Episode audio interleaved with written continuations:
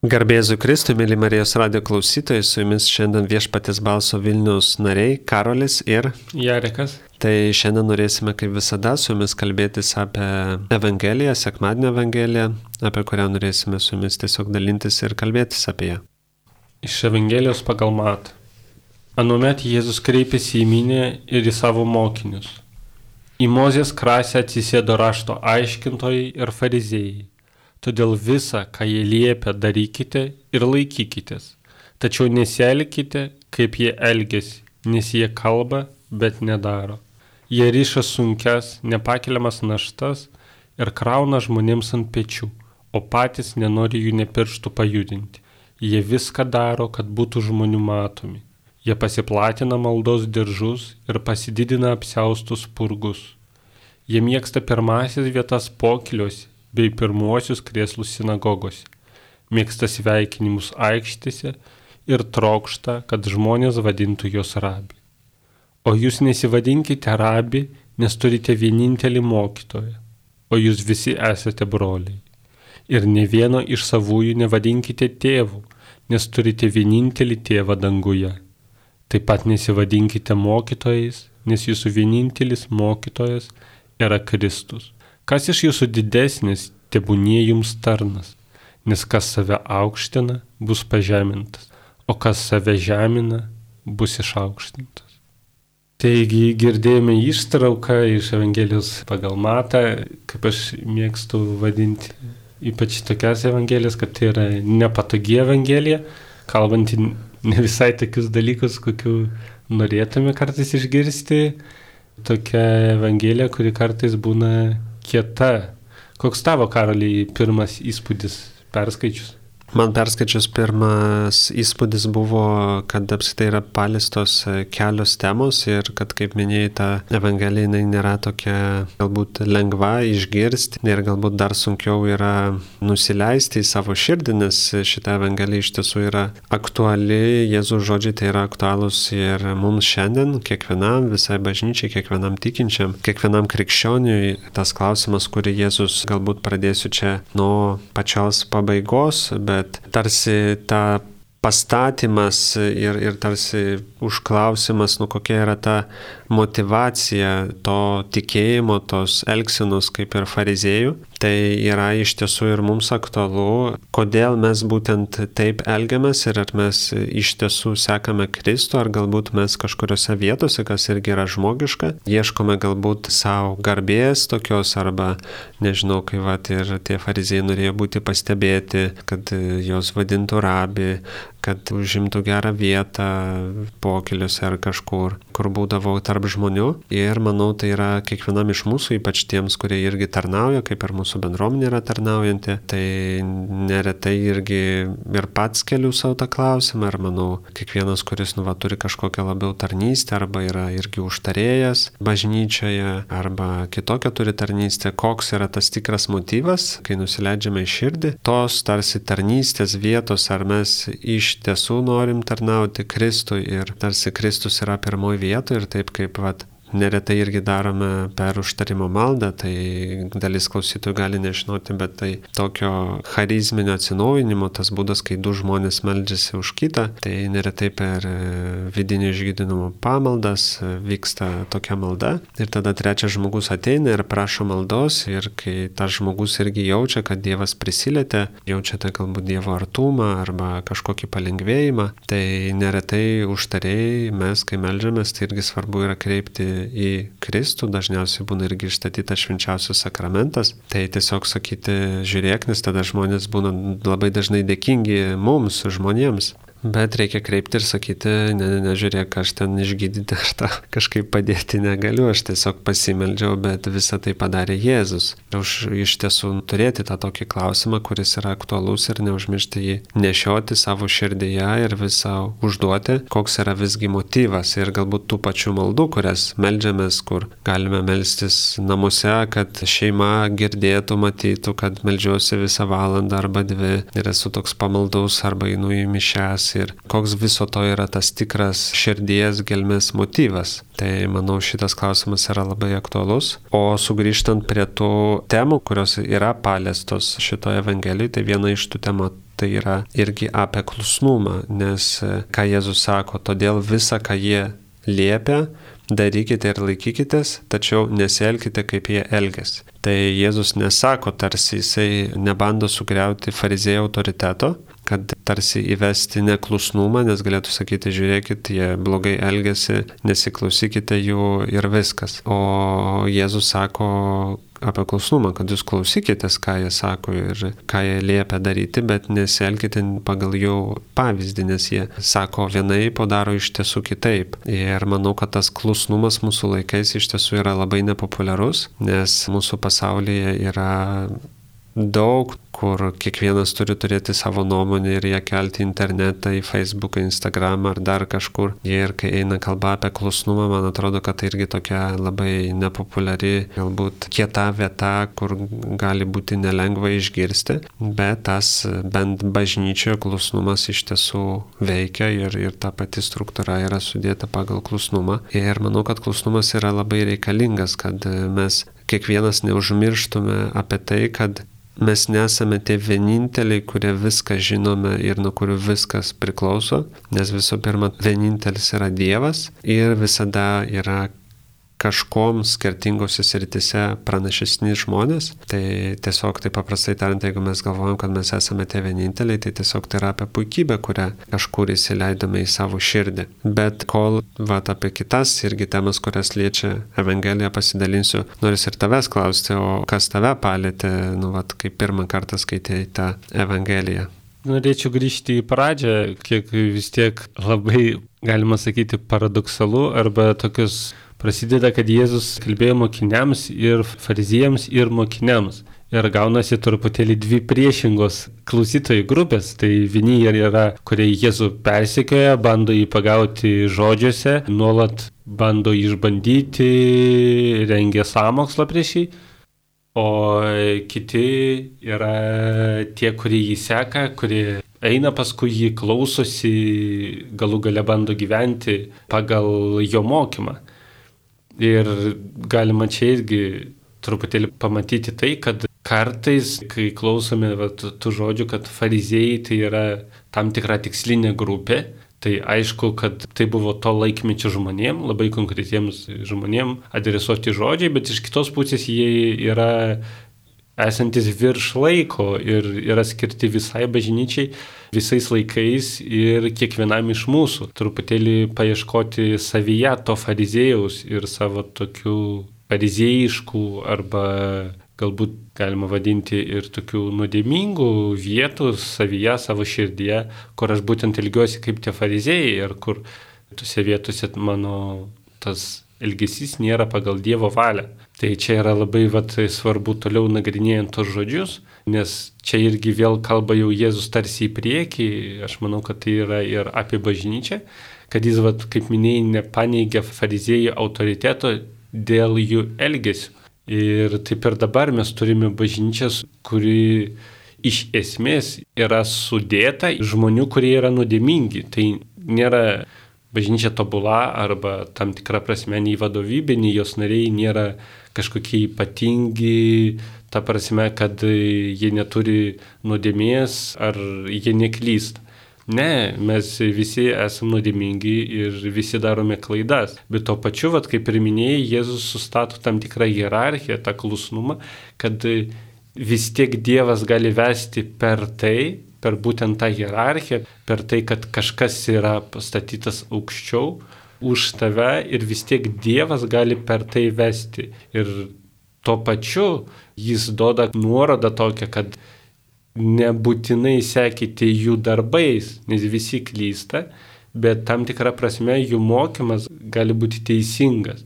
Tai vienas kitam tam tikrą prasme neprieštarauja ir daug kartų mes matome ir per bažnyčios istoriją, kad įvairiausių buvo įvykių, įvairiausių žmonių, įvairiausių net popiežių buvo, bet tam tikra kryptis bažnyčios, jinai vis tiek išlieka ir tas klusnumo paneigimas, išėjimas iš bažnyčios, tai iš esmės nei nieko nepakeičia ir pridaro tik dar daugiau žaizdų. Tai aš manau, kad tai yra svarbu tarsi pripažinti savo ir išgirsti, kad taip, bažnyčia susideda iš žmonių, kurie daro nuodėmės, kurie klysta, bet tai visiškai nereiškia, kad pats mokymas arba pati bažnyčia yra klaidinga. Tai ypač turint omeny Daug čia įvairiausių buvo paskutiniuoju metu situacijų, tiek Lietuvoje, tiek visam pasaulyje, tai tiesiog svarbu to nepamiršti, nes pirmoji reakcija yra visas paneigimas, atmetimas visos bažnyčios, kas kaip jau tokie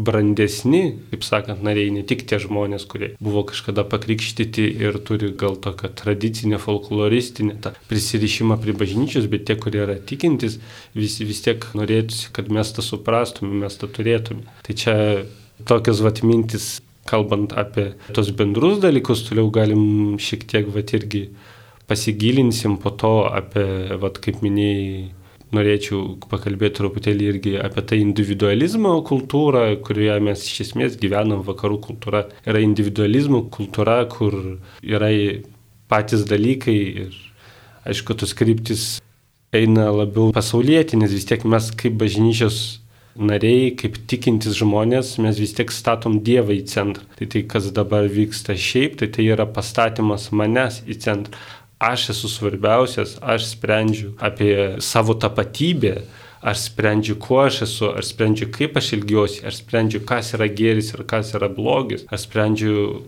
ką turi daryti mano vaikai ir taip toliau ir panašiai. Tai čia yra jau esminis toks prieš pastatymas dabartinis vat, krikščionio ir viso pasaulio, galbūt kultūros, mąstymo, viso, kuris prasidėjo iš esmės tas nefilosofuosim gal dabar, bet jau daug seniau visą tai prasidėjo su nihilizmu, visko neigimu ir taip toliau ir panašiai. Tai gal truputėlį grįšim, kokios yra tavo tolimesnės mintis apie šią Evangeliją.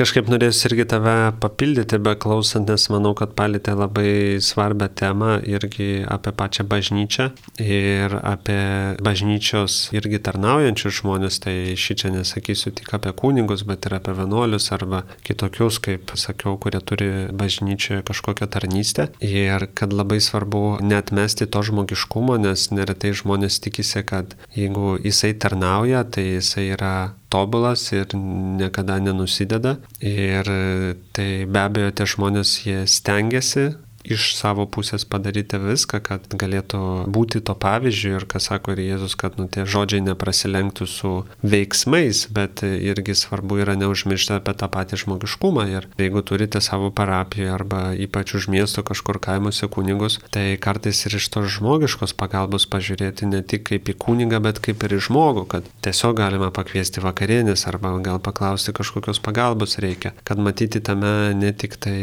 kažkokį aukštesnį kaip kuniga, bet ir matyti patį žmogų. Ir aš manau, kad tas dalykas labai daug pakeičia, kai mes iš tiesų matome žmogų ir net gali draugystės užsimėgsti tarp kunigo ir tavęs ir kažkokią bendrystę, arba vat, pakviesti vakarienės ar kažkaip tiesiog pakviesti savo gimtadienį. Ir manau, tai irgi labai daug tada perkeičia tos įtampos, kuri atsitinka, va, tas, kaip tu minėjai, tam tikras atmetimas gali atsirasti, arba jeigu atsitinka kažkokios situacijos bažnyčia, arba, arba matom kažkokį dalyką ir žiūrim į kunigą kaip į tokį šventą, kuris yra negalintis niekada niekur parklaupti arba kažką padaryti, net stengiantis būdamas to pavyzdžio.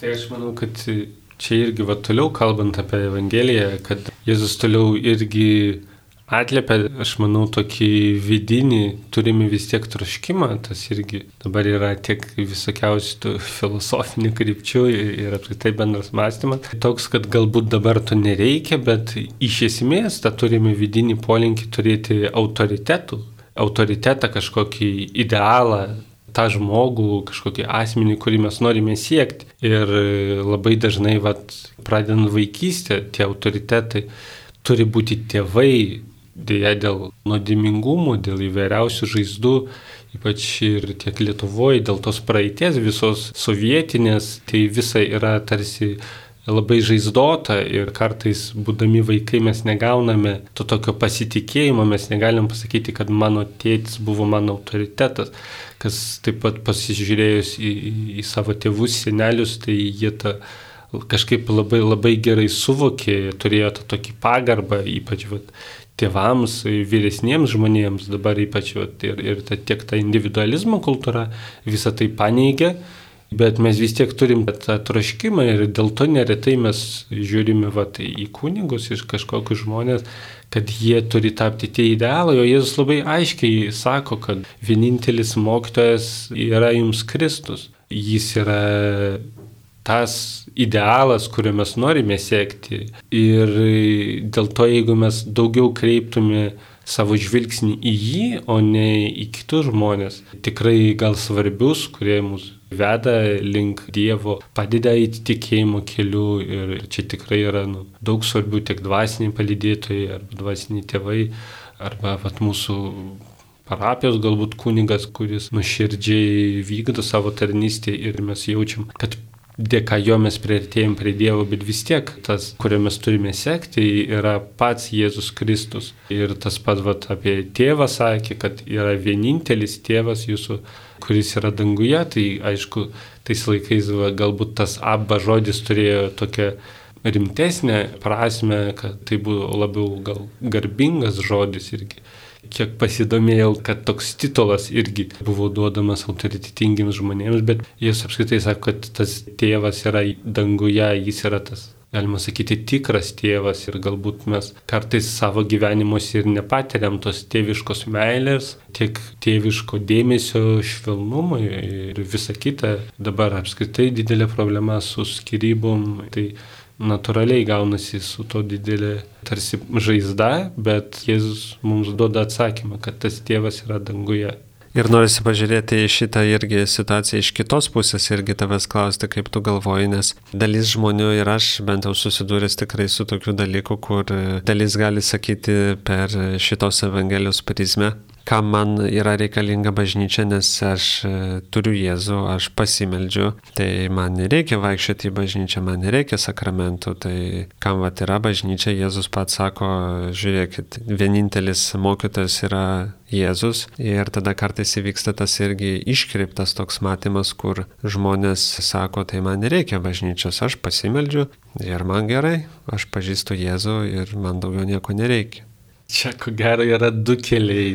Vienas kelias yra tokiems žmonėms leisti iš tikrųjų būti ir išbūti tą laiką, nes vis tiek tai šventoji dvasia mus veda prie tikėjimo pilnatvės ir kartais neįmanoma tiesiog jų įtikinti, jeigu jie nepatiria, jeigu jie viduje nejaučia troškimo Dievo, troškimo būti bendrystėje su bažnyčia ir čia man toje vietoje labai prisimena toks buvo pastorius, jis buvo Skandinavijoje, Ulfas Ekmanas. Jie iš tikrųjų labai daug veikdavo, labai stiprią bažnytinę bendruomenę sukūrė protestantų jisai ir, ir po daug metų vadovavimo tai bažnyčiai jisai perėjo į katalikybę, tapo kataliku.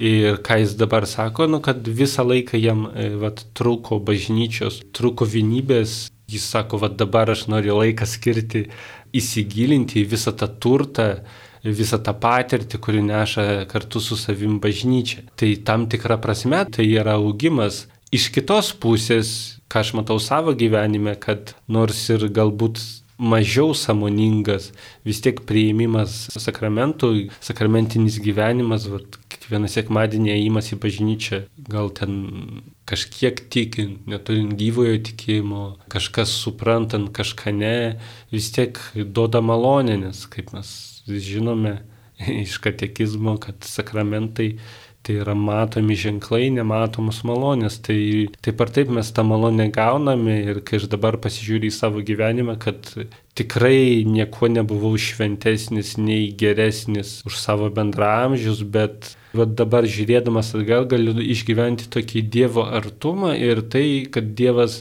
labai saugojo mane, kad daug įvairiausių situacijų man tiesiog neįvyko, kurios tiesiog įvyksta žmonėms ir kad tam tikrą prasme Dievas saugojo mane nuo blogio ir, ir jeigu būdavo tokios ribinės situacijos, tai vis tiek kažkaip nukreipdavo mane, kad vat, neįvyktų kažkas, tiek kalbant apie kažkokią nuodėmių darimą, tiek apskritai ten kažkokias sudėtingesnės situacijas. Tai aš tikrai tikiu ir, ir tai išgyvenau, kad tai, tai yra malonės Dievo kurias jis teikia per sakramentus, per sakramentinį gyvenimą.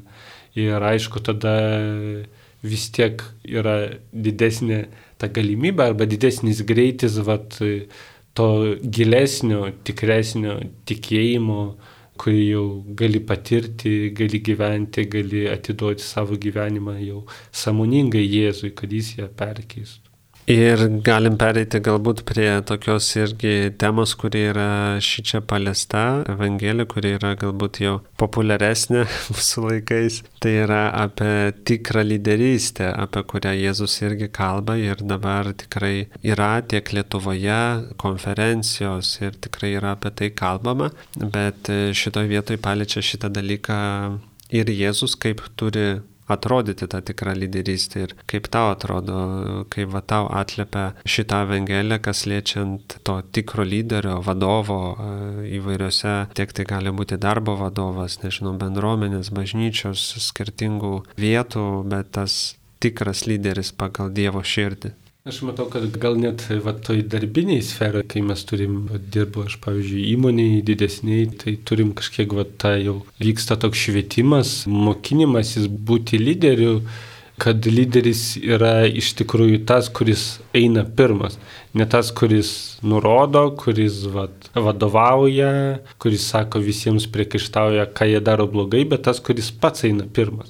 Ir tokiu vad būdu aš matau lyderystę ir Tai vad Jėzus irgi eina ir tarsi kviečia mus eiti iš paskos, nes jis tarsi jau viską patyrė ir kviečia mus būti panašiais į jį, nes tada tokiu būdu ta lyderystė įgauna visiškai kitokių spalvų, mažiau tokios autoritarinio tokio valdymo kažkokio, bet tokio ėjimo ir vedimo. Ir kažkaip man visada būdavo labai stipru, at kartais būdavo ten viduramžiais, tie mūšiai kovos, kad karalius jis veda kariuomenį.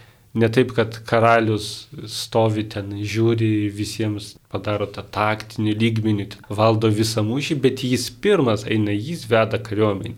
Nes tai yra jo mūšis tam tikrą prasme, nors atstovauja visą šalį ir, ir tai kažkaip labai vat, paliečia, kad Tai yra va, tas lyderio įvaizdis, kuris turėtų kažkaip įsirėžti mūsų širdise ir tiek, kas vat, liečia mūsų ir bendruomeninį vat, gyvenimą bažnyčioje, turime tikrai daug įvairiausių, tiek grupelių. Tai vat, kartais reikia, vat, kad būtų tas lyderis, vadovas, nes kai mūsų yra daugiau, tikrai yra sunku ir sudėtinga funkcionuoti, jeigu nėra tam tikrų nustatytų taisyklių tiesiog kartais reikia to žmogaus, kuris tartų tą paskutinį žodį, vat, bus taip ir taip, jeigu mūsų nuomonės išsiskiria. Ir tam tikrą prasme, kad tai vat, jau būtų visų, ta prasme, pripažintas balsas, tai va, tas vadovas, lyderis, bet kad ir, irgi norėtųsi, nepaisant mūsų patirčių, galbūt iš mokyklos, galbūt mūsų darbo, gyvenimo, iš šeimos, tai kad jis būtų tas, kuris veda, tas, kuris eina pirmas. Ir taip dažnai mes ir šeimose nepatiriam, va, būtent tėvo kaip lyderio, kuris va, eitų, va, mūsų įvestų į gyvenimą Mes girdime nuolat nurodymus, priekaištus, galbūt kažkokias bausmes gauname, bet mes nejaučiam, kad mes esame įvedami į gyvenimą, kad tėvas yra tas, kuris gali padėti man, vat, ypač ten per tos pirmus praeiti sunkumus, kai kažkas nesigauna, tai vat, kad tėvas būtų tas, kuris vat, duoda ranką, kuris padeda praeiti. Tai pats turi dukrą mažą, tai supranti, kad tikrai vaikams yra didelė reikšmė, kad tai yra ne mama, o tai yra tėtis, kuris va, pamotivuoja ir padeda praeiti. Ir, ir galbūt kartais daug dalykų mums dabar nesiseka dėl to, kad mes to neturėjome. Bet vis tiek aš e, pilnai tikiu, kad Dievas vis tiek gali mus vesti ir gydyti, kai vat, mes prisimam būtent Dievą tėvą kaip savo tėvą ir Jėzų kaip savo viešpatį, tai Dievas tikrai gydo tas visas žaizdas ir padeda mums tapti tiek pilnaverčiais žmonėmis, kad mes galbūt neturėtume tiek tų visų žaizdų ir galėtume laisvai jaustis tiek su kitais, realizuoti įvairiausius, nežinau, darbus, tarnystės, tiek, kad mes auktume dvasiškai. Ir manau, papildant tave, kad vienas iš tų dalykų, kuris yra svarbiausia, kad visą tai pavyktų daryti, tai yra neužmiršti, kai Jėzus sako apie tą vienintelį mokytoją, kad jeigu mes iš tiesų skiriame laiko maldai ir pakankamai melžiamės ir būname su Dievu tėvu, leidžiame laiką ir leidžiame, kad šintoji dvasia mus pripildytų, tai yra mums pagalba tada, kaip sakė, jeigu mes patys to nepatirėme arba susidurėm su kažkokios sunkumais, tiesiog pereiti per tai e, su Dievo pagalba ir tiesiog būti kitaip ir tarsi vis neužsimiršti, kad Visgi tas vienintelis, pirmas, geriausias lyderis ir vienintelis tai yra iš tiesų Jėzus. Ir, ir kai mes leidžiame pakankamai laiko su juo, aš manau, ta ir kryptis tada nenukrypsta kažkur, bet tai, ką Jėzus irgi sako šitoj Evangelijoje, jisai sako taip pat nesivadinkite mokytojais, nes jūsų vienintelis mokytojas yra Kristus kas iš jūsų didesnis, tebūnė jums tarnas, nes kas save aukština bus pažemintas, o kas save žemina bus išaukštintas. Tai kažkaip čia labai šitą vietą man siejasi su Evangelija, su labai konkrečiu Jėzus veiksmu, kai jisai plovė savo mokiniams kojas ir ne kiekvienam yra tekę patirti tai, nes, pažiūrėjau, aš pirmą kartą patyriau, kad man plautų kojas, tai buvo turbūt 20 septyniarių kokių metų, kai buvau rekolekcijose kaip komandos dalis ir tada du kunigai vienuoliai tiesiog rekolekcijų metu plovė kojas ir tai buvo labai keista patirtis, nebuvo lengva leisti, nuplauti savo kojas, bet tai, kas labiausiai palėtė, tada kunigas pažvelgia mane ir sako, dabar tu ir eik ir daryk taip kitiems.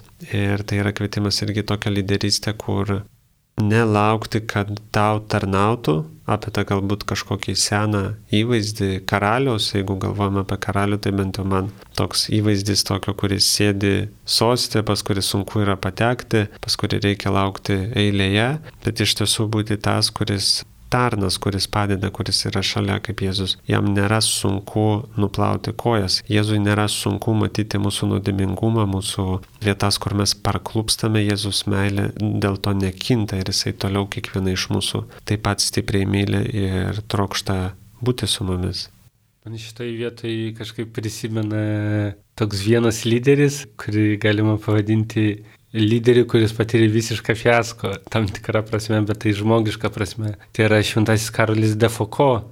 Čia, man rodos, prieš pusantrų metų, gal prieš porą metų popiežius Pranciškus paskelbė į šventuoju. Jis seniai jau yra, taip sakant, mano akiratėje. Kai dar buvo palaimintas, aš perskaičiau jo vieną maldą. Mes ją perskaitysim mūsų jau laidos pabaigoje.